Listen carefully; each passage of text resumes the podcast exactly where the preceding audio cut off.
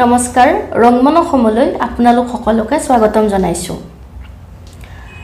পঁসত্তৰ সংখ্যক স্বাধীনতা দিৱস উপলক্ষে লালকিল্লাত নৰেন্দ্ৰ মোদী ডাঙৰীয়াই এটা ঘোষণা কৰিছে। ঘোষণাটো হ'ল যে যি পাব্লিক ডিষ্ট্ৰিবিউশ্যন স্কীম আছে বা যি মিড ডে মিল স্কীম আছে এই স্কীমৰ আণ্ডাৰত যি চাউল বিলোৱা হয় সেই চাউল ফৰ্টিফাইড কৰা হ'ব।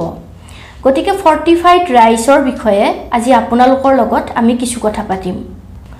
ফ্ৰেণ্ড ফৰ্টিফাইড ৰাইচ হৈছে য'ত কিছুমান মাইক্ৰ'নিউট্ৰিয়েণ্টছ ইনক্লুড কৰা হয়।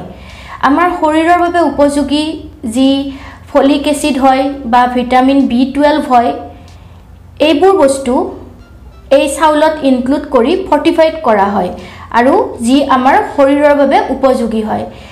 এনিমিয়া আদি বেমাৰৰ পৰা আমাক ৰক্ষা কৰিবলৈ ফৰ্টিফাইড ৰাইচ ব্যৱহাৰ কৰা হয়। গতিকে ফৰ্টিফাইড ৰাইচৰ বিষয়ে চেণ্ট্ৰেল গভৰ্ণমেণ্টে কি কি প্লেন লৈছে সেই বিষয়ে আমি আজি কিছু কথা আলোচনা কৰিম। গতিকে ফ্ৰেণ্ড আহক ভিডিঅ'টো আৰম্ভ কৰোঁ। হয় আমি গম পালোঁ যে ভাৰত চৰকাৰে পাব্লিক ডিষ্ট্ৰিবিউশ্যন ছিষ্টেমতে হওক নতুবা মিড ডে মিলতে হওক যিমান সম্ভৱ পাৰি ফৰ্টিফাইড ৰাইচ ইনক্লুড কৰাব আৰু এইটো অহা দুবছৰৰ ভিতৰত সম্পূৰ্ণ কৰা হ'ব। কিন্তু এই ক্ষেত্ৰত প্ৰশ্ন এটা উদয় হয় যে ফৰ্টিফাইড ৰাইচ এইটোনো প্ৰয়োজনীয়তাই বা কি? এই ক্ষেত্ৰত যদি আমি ডাটা কিছুমান এনালাইচিছ কৰোঁ তেতিয়া আমি গম পাম সমগ্ৰ বিশ্বত আমি যদি তিনিজন মানুহ ধৰি লওঁ তেতিয়াহ'লে তাৰ মা ভিতৰত এজন কি হ'ব? মাইক্ৰ'নিউট্ৰিয়েণ্ট সেই মানুহজনৰ দেহত কম থাকিব। গতিকে চাওক কেনেকুৱা ভয়ংকৰ এটা সমস্যা। আমি হয় খোৱা খাদ্য আমি খাই আছোঁ কিন্তু এই খোৱা খাদ্যত আমি যিখিনি খনিজ দ্ৰব্য নতুবা ভিটামিন পাব লাগে সেইখিনি আমি পোৱা নাই। আৰু ভাৰতৰ ক্ষেত্ৰতে যদি আমি চাওঁ তেতিয়াহ'লে আমি গম পাম যে ভাৰতৰ ক্ষেত্ৰত পাঁচ বছৰৰ তলৰ যিখিনি শিশু মৃত্যুমুখত পৰে তাৰ অধিকাংশই এই পুষ্টিহীনতাৰ ফলত মৃত্যুমুখত পৰে। আৰু আমাৰ ফিফটি পাৰ্চেণ্টতকৈও অধিক ভাৰতীয় শিশু পুষ্টিহীনতাত ভোগে। গতিকে এইটো এটা ভয়ংকৰ কথা। আৰু যদি আমি অন্যহাতে চাব যাওঁ যে মহিলাসকল বিশেষভাৱে ভাৰতৰ মহিলাসকল এনিমিয়া বা এনেকুৱা পুষ্টিহীনতাজনিত ৰোগত আক্ৰান্ত। গতিকে এইটো আটাইতকৈ বেছি ভয়ংকৰ সমস্যা। আপোনালোকে চাওক আমাৰ মহিলাসকল বা আমাৰ নৱপ্ৰজন্মৰ যিবিলাক সৰু সৰু শিশু সেইসকলেই হ'ল আমাৰ দেশৰ ভৱিষ্যত। আৰু এই শিশুসকল যদি পুষ্টিহীনতাত ভোগে তেতিয়াহ'লে কি হ'ব? তেওঁলোকৰ শৰীৰ দুৰ্বল হ'ব। ৰোগ প্ৰতিৰোধ ক্ষমতাটো তেখেতসকলৰ কমিব। শাৰীৰিক যিটো গঠন যিটো বিকাশ হয় সেই বিকাশটো নহয় তেওঁলোক দুৰ্বল হ'ব। মানসিকভাৱে তেখেতসকল দুৰ্বল হ'ব। গতিকে আমাৰ ভৱিষ্যত প্ৰজন্ম যদি এনেকৈ দুৰ্বল হৈ যায় তেতিয়াহ'লে আমাৰ দেশখনৰ কি হ'ব? গতিকে যদি আমি দকৈ ভাবোঁ এইটো এটা ভয়ংকৰ সমস্যা। আমাৰ সমগ্ৰ দেশবাসীৰ আগত। গতিকে এনেকুৱা এটা ক্ষণত ভাৰত চৰকাৰে যিটো ফৰ্টিফাইড ৰাইচ প্ৰভাইড কৰাৰ যিটো উদ্দেশ্য হাতত লৈছে সেইটো সঁচাকৈ শলাগিবলগীয়া। গতিকে আমি এই সম্পৰ্কত আৰু কিছু আলোচনা কৰোঁ আহক। এইখিনিতে এটা প্ৰশ্ন মনতে উদয় হয় যে এই জনসাধাৰণ কিয় এনেকুৱা পুষ্টিহীনতাত ভুগিবলগীয়াৰ দৰে অৱস্থা হৈছে? প্ৰথম কথাটো হ'ল যে যিটো পুষ্টিকৰ খাদ্যৰ অভাৱ সেইটোতো এটা প্ৰধান কাৰণ।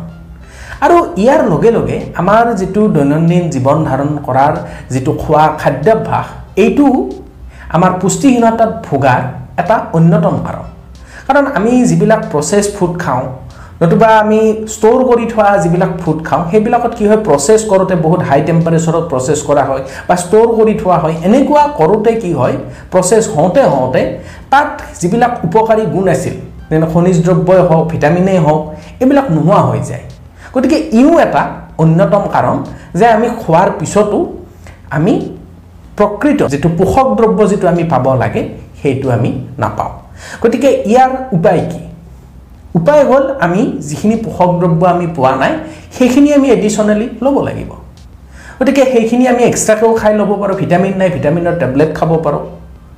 হয়নে নহয়? বা খনিজ দ্ৰব্য আমাৰ শৰীৰত নাই সেইখিনি ল'ব পাৰোঁ। কিন্তু এইটো এটা ইমান সহজ সাধ্য প্ৰচেছ নহয়। আৰু সকলো ভাৰতবৰ্ষৰ সকলো মানুহেই এই এক্সট্ৰাকৈ কিনি আনি ভিটামিনেই হওক নতুবা খনিজ দ্ৰব্যই হওক খোৱাৰ ক্ষমতাটো সকলো মানুহৰে নাথাকে। গতিকে এনেকুৱা এটা ক্ষেত্ৰতে কি হয় চৰকাৰৰ যিটো ভূমিকা সেইটো আহি পৰে। গতিকে চৰকাৰে এনেকুৱা কিছুমান স্কীমেই হওক বা প্ৰগ্ৰামেই হওক হাতত লৈছে যে যিবোৰৰ সহায়ত যিখিনি সাধাৰণ মানুহখিনি যিখিনি চাউল খায় সেই চাউলখিনিত যদি আমি এডিশ্যনেলি যিখিনি খনিজ দ্ৰব্যৰ প্ৰয়োজন সুস্থ মানুহ এজনৰ দেহত নতুবা যিখিনি ভিটামিনৰ প্ৰয়োজন সেইখিনি যদি আমি সেই চাউলখিনিত দি দিয়া যায় কাৰণ চাউলটোতো চবেই খায়।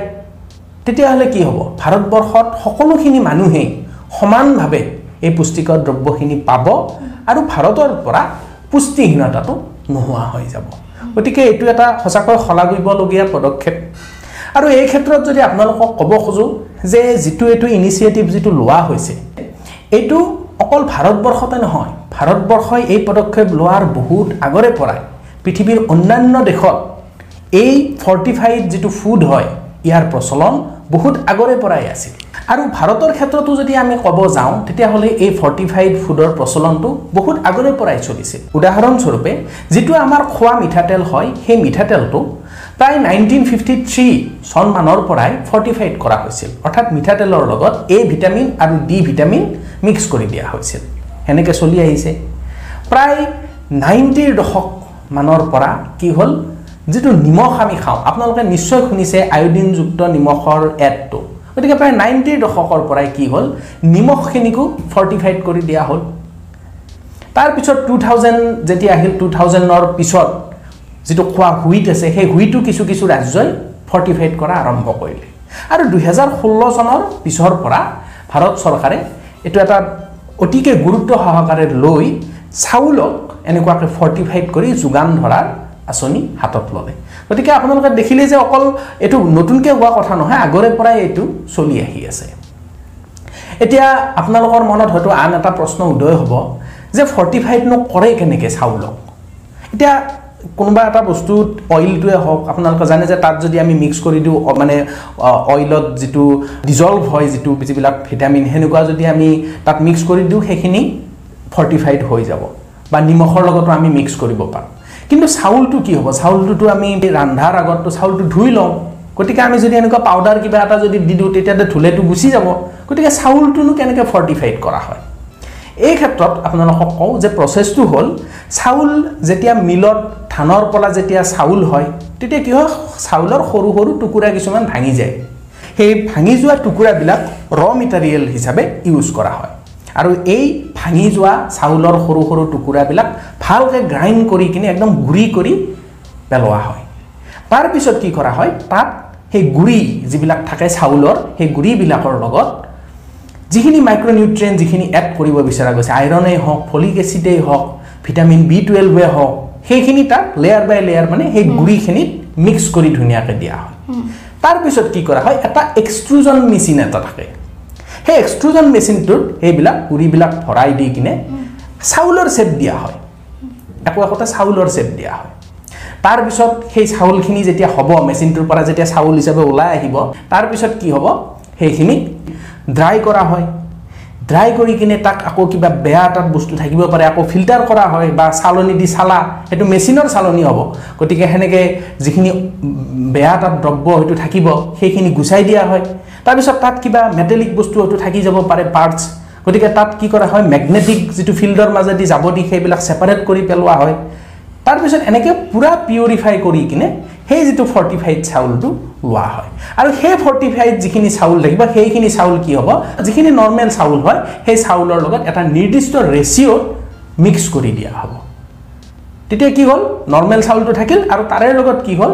এক নিৰ্দিষ্ট ৰেচিঅ'ত এই ফৰ্টিফাইড চাউলটোও থাকিল। আৰু দুটাই যেতিয়া মিক্স কৰি দিয়া হ'ব তেতিয়াহ'লে যিটো আমি যিটো ভাত পাম চাউলটো বনাই ৰন্ধাৰ পিছত একো ডিফাৰেঞ্চ নাথাকে মানে। সোৱাদৰে হওক নতুবা আমি গোন্ধটোৱে হওক আমি ধৰিব নোৱাৰোঁ যে কোনটোত মিক্স কৰা হৈছে বা কোনখিনিত মিক্স কৰা হোৱা নাই। একদম একে ধৰণৰ হৈ যায়।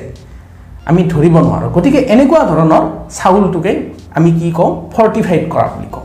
গতিকে কি হ'ল? আমি এই প্ৰচেছটোত কি কৰিলোঁ? যে নৰ্মেল যিটো চাউল আছে তাৰ লগত আমি এই পোষক দ্ৰব্যখিনি যোগ কৰি ফৰ্টিফাইড চাউলটো আমি তৈয়াৰ কৰিলোঁ। আৰু এই চাউলটো যোনে খাব তেওঁ গোটেইখিনি মানে যিখিনি দ্ৰব্য আমাৰ শৰীৰত খনিজ দ্ৰব্যই হওক ভিটামিনে হ'ব সেইখিনি তেওঁ সেই চাউলটোৰ পৰা প্ৰায় পাই যায় আৰু ভাৰতৰ ক্ষেত্ৰত যদি আমি চাব যাওঁ গড় হিচাপত ভাৰতত প্ৰতি এজন মানুহক পাঁচৰ পৰা ছয় কিলোগ্ৰাম চাউল এক মাহত দৰকাৰ হয়। গতিকে আমি যদি চাওঁ সমগ্ৰ ভাৰতবৰ্ষতে যদি এনেকৈ যদি চাউল ফৰ্টিফাইড কৰি যদি দিব লগা হয় তেতিয়াহ'লে প্ৰায় তিনিশ লাখ মেট্ৰিক টনৰো ওপৰত আমি চাউল ফৰ্টিফাইড কৰিব লাগিব। আৰু এই যেতিয়া ফৰ্টিফাইড কৰা যিটো প্ৰচেছ সেই প্ৰচেছটোত কি হ'ব? চাউলটোৰ নৰ্মেল চাউলৰ যিটো দাম তাতকৈ অলপমান দাম বেছি হয়।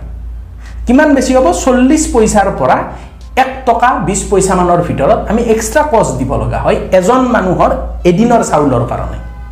গতিকে আপোনালোকে গম পালে যে ইমানো বেছি নহয় প্ৰায় এজন মানুহৰ একদিনৰ কাৰণে চল্লিছ পইচাৰ পৰা এক টকা বিছ পইচামানৰ ভিতৰত আমি এক্সট্ৰা হয়তো অলপ বেছি দাম মূল্য ভৰিবলগীয়াত পৰিব পাৰে। এবাউট ফিফটি পাৰ্চেণ্ট ওমেন আৰু চিলড্ৰেনে আইৰণ ডেফিচিয়েঞ্চি ৰোগত ভোগা দেখা পোৱা গৈছে। আৰু এনিমিয়া হ'ল এনেকুৱা এটা বেমাৰ যি আইৰণ ডেফিচিয়েঞ্চিৰ ফলত হয় আৰু তাৰ ফলত আমাৰ শৰীৰত থকা আৰ বি চি কাউণ্টটো কমি যায়। আৰু যাৰ ফলত পৰ্যাপ্ত পৰিমাণে অক্সিজেন ফ্ল' কৰিব নোৱাৰে অক্সিজেন ছাপ্লাই হ'ব নোৱাৰে আৰু হিমগ্ল'বিনটো কমি যায় আৰু এনিমিয়াৰ দৰে ভয়ংকৰ ৰোগ এটা শৰীৰত সৃষ্টি হ'ব পাৰে। গতিকে এই এনিমিয়া ৰোধ কৰিবৰ বাবে যি আইৰণ ৰিচ ফুড হয় সেয়া লোৱাটো সকলোৰে বাবে জৰুৰী। আৰু যিহেতু আমাৰ চাইল্ড আৰু ওমেনখিনি এই মাল নিউট্ৰিশ্যনৰ চিকাৰ হৈছে গতিকে তেওঁলোকৰ বাবে ফৰ্টিফাইড ৰাইচটো খুবেই জৰুৰী। আৰু পি ডি এছৰ আণ্ডাৰতে হওক বা মিড ডে মিলৰ স্কিমৰ আণ্ডাৰতে হওক এই ফৰ্টিফাইড ৰাইচ যেতিয়া চাইল্ড্ৰেনকে হওক বা ওমেনকে হওক যোগান ধৰা হ'ব তেতিয়া হয়তো তেওঁলোকে এই এনিমিয়া আদি ৰোগৰ পৰা মুক্তি পাব পাৰিব। কিন্তু ইয়াতে এটা প্ৰব্লেমো দেখা পোৱা যায়। ধৰক এজন মানুহে যিমান কোৱাণ্টিটিৰ চাউল খাব আন এজনে হয়তো তাতকৈ কম খাব বা এটা শিশু বা এজন বৃদ্ধ মানুহে হয়তো কম পৰিমাণৰ চাউল খাব। গতিকে তেনেস্থলত হয়তো এই ফৰ্টিফাইড ৰাইচ যি আছে সকলোৰে তাত সমান পৰিমাণে শৰীৰলৈ নাযাবও পাৰে। এনে গতিকে ফৰ্টিফাইড চাউলৰ ক্ষেত্ৰত এনেকুৱা প্ৰব্লেম দেখা পোৱা গৈছে। হয়। এই ক্ষেত্ৰত আৰু এটা কথা ক'ব পাৰি যে কিছুমান বিশেষজ্ঞই এই বিষয়েও মত পোষণ কৰিছে যে খেতিয়কবিলাকৰ কি হ'ব? যে যিবিলাক খেতিয়কে নিজৰ ঘৰতে চাউল উৎপাদন কৰে তেখেতসকলেতো মানে কি নিজৰ ঘৰত উৎপাদন হোৱা চাউলটোৱেই খায়। তেতিয়া তেখেতসকলৰ যিটো চাউল হ'ব সেইটোতো ফৰ্টিফাইড নহ'ব। যিবিলাক খেতিয়কে আমাক পুষ্টিকৰ খাদ্যৰ যোগান ধৰি আছে সেই খেতিয়কসকলেতো এই ফৰ্টিফাইড চাউলটো পোৱাত দিগদাৰ হ'ব। কাৰণ তেখেতসকলে নিজৰ ঘৰৰ প্ৰডাক্টটোৱে খায় যিটো ফৰ্টিফাইড কৰা নহ'ব। আৰু যদি মানি লওঁ যে তেখেতসকলে তেখেতসকলৰ চাউলটো অকণমান কম দামত বিক্ৰী কৰি দিলে আৰু বেলেগৰ পৰা ফৰ্টিফাইড চাউল এটা কিনি আনি খালে। তো সেইটো অলপ অন্যায়ৰ দৰে হৈ যায়। মানে নিজৰ প্ৰডাক্টটো কম দামত দিলে দি কিনে এটা মানে বেলেগ ফৰ্টিফাইড ৰাইজ এটা তেখেতসকলে অত্যাধিক দাম দি কিনে হয়তো কিনি আনিব লগা হ'ল। গতিকে এনেকুৱাও কিছুমান কথা আহি পৰে এই ক্ষেত্ৰত। লগতে আন কিছুমান বিশেষজ্ঞই এনেকুৱা ধৰণৰ মত পোষণ কৰে যে যিটো মাল নিউট্ৰিশ্যনৰ যিটো প্ৰব্লেম হৈছিল আগতে এইবিলাক সমস্যা খুব কম আছিল আগৰ সময়ত। কাৰণ তেখেতসকলে মত পোষণ কৰে যে পুৰণি সময়ত কি হৈছিল যেতিয়া আমি ধানৰ পৰা চাউলটো উলিয়াইছিলোঁ সেই চাউলৰ ওপৰত এটা লেয়াৰ এটা থাকে। সেই লেয়াৰটোতে যথেষ্ট পৰিমাণে ভিটামিন থাকে খনিজ দ্ৰব্য এইবিলাক থাকে। কিন্তু আজিকালি কি হ'ল চাউলটো বগা কৰিব গৈ কিনে আমি বেছি বগা কৰিব গৈ সেই ওপৰৰ লেয়াৰটোৱে আমি মিলত মানে সেই গোটেই লেয়াৰটোৱে আমি উঠাই দিওঁ। দিয়াৰ ফলত কি হৈছে ত' আমাৰ ভিটামিন এইবিলাকৰ অভাৱ অনুভৱ হৈছে। গতিকে যিটো মেথড আছে যে যিটো অৰিজিনেল যিটো লেয়াৰ এটা থাকিব লাগে চাউলটোৰ ওপৰত যিটো যথেষ্ট পৰিমাণে ভিটামিন থাকে বা সেনেকুৱা ধৰণৰ টেকন'লজি থকা মিল যদি আমি ব্যৱহাৰ কৰোঁ এনেকুৱা সমস্যাৰ পৰা আমি হাত সাৰিব পাৰোঁ লগতে কৃষকসকলৰ যিটো সমস্যা সেইটোৰ কাৰণে আন এটা উপায়ো আছে যেনে আমি যিটো ফৰ্টিফিকেশ্যন যিটো কৰিছোঁ এইটো এটা পাৰ্মানেণ্ট চলিউশ্যন নহয় এইটো এটা হৈছে টেম্পৰাৰী চলিউশ্যন যে চাউলটোত আমি এক্সট্ৰাকৈ আমি দি দিছোঁ নিউট্ৰিয়েণ্টখিনি চ' এইটো এটা টেম্পৰাৰী চলিউশ্যন পাৰ্মানেণ্ট চলিউশ্যন কি হ'ব? আমি বায়' ফৰ্টিফিকেশ্যন কৰিব লাগিব। মানে এনেকুৱা কৰিব লাগিব জেনেটিক ইঞ্জিনিয়াৰবিলাকে এইটো ৰিচাৰ্চ কৰি কিনে যে চাউলটো যিটো মানে ধান গছডাল যেতিয়া গজিব বা তাত যিটো ধান লাগিব সেইটোত ধানত এনেকুৱাকৈ জেনেটিক ইঞ্জিনিয়াৰিং মানে কৰিব লাগিব। তাত ইতিমধ্যে আগৰে পৰাই মানে যিখিনি আমাক নিউট্ৰিয়েণ্ট লাগে গোটেইখিনি তাত থকা ধৰণৰ হ'ব লাগিব। তেতিয়া কি হ'ব? খেতিয়কবিলাকৰো কোনো সমস্যা নহ'ব। অলৰেডি যিটো ধান তেখেতসকলৰ পথাৰত উৎপন্ন হ'ব সেই চাউলটোতে গোটেইখিনি নিউট্ৰিয়েণ্ট থাকিব। আমি টেম্পৰেলি এনেকৈ আৰু এড কৰিব নালাগে মাইক্ৰ' নিউট্ৰিয়েণ্ট গতিকে এনেকুৱা ধৰণৰ কথা কিছুমানো আছে। কিন্তু এইবিলাকৰ এতিয়া গৱেষণা চলি আছে। যথেষ্ট পৰিমাণে কাম হৈ আছে। এইবিলাকত কিন্তু সম্পূৰ্ণ ৰূপ এতিয়াও পোৱা নাই। হয়তো আৰু অনাগত ভৱিষ্যতত এইবিলাক হয়তো হ'ব এদিন হ'লেও। আমি তাৰে আশা কৰিছোঁ। আৰু আমাৰ ভাৰতৰ ক্ষেত্ৰত যদি আমি চাওঁ F S S A I অৰ্থাৎ food safety and standard authority of India বুলি এটা চৰকাৰী বিভাগ আছে। সেই বিভাগটোৱে ভাৰতত এই ফৰ্টিফাইড ফুডৰ বিভিন্ন ধৰণৰ ষ্টেণ্ডাৰ্ড ছেট কৰে ৰুল ৰেগুলেশ্যন এইবিলাক তেখেতসকলে মেইনটেইন কৰে বা আমাৰ এই গোটেই ছিষ্টেমটো ফুড ফৰ্টিফিকেশ্যনৰ গোটেই ছিষ্টেমটো তেখেতসকলে ৰেগুলেট কৰে। গতিকে এনেকেই আমাৰ যিটো চাউলবিলাকত কিমান পাৰ্চেণ্ট মিক্স কৰিব লাগিব মাইক্ৰ' নিউট্ৰিয়েণ্ট এই যিটো এটা ষ্টেণ্ডাৰ্ড আছে সেই ৱৰ্ল্ড ক্লাছ যিটো ষ্টেণ্ডাৰ্ড হয় তাৰ লগত একে ধৰণৰ কৰি যিটো আমাৰ ইণ্ডিয়াত যিটো ষ্টেণ্ডাৰ্ড আছে এই গোটেইখিনি কাম চোৱা চিতা সেই ডিপাৰ্টমেণ্টটোৱে কৰে। গতিকে আমি আশা কৰিছোঁ যে চৰকাৰে যিটো পদক্ষেপ ল'ব বিচাৰিছে যে পুষ্টিহীনতাটোক মানে নোহোৱা কৰি ভাৰতৰ মানুহখিনি সুস্থ আৰু সবল কৰি ৰখাত এই প্ৰচেষ্টা অতিকৈ আদৰণীয়। গতিকে আজিৰ এই ভিডিঅ'টোত আমি ফৰ্টিফাইড ফুডৰ সম্পৰ্কে কিছু কথা আলোচনা কৰিলোঁ। আশা কৰিলোঁ আপোনালোকে আজিৰ এই ভিডিঅ'টো চাই ভাল পালে। গতিকে অহা খণ্ডত পুনৰ এক নতুন বিষয় লৈ আহিম। আজিলৈ বিদায় লৈছোঁ। ধন্যবাদ। Thank U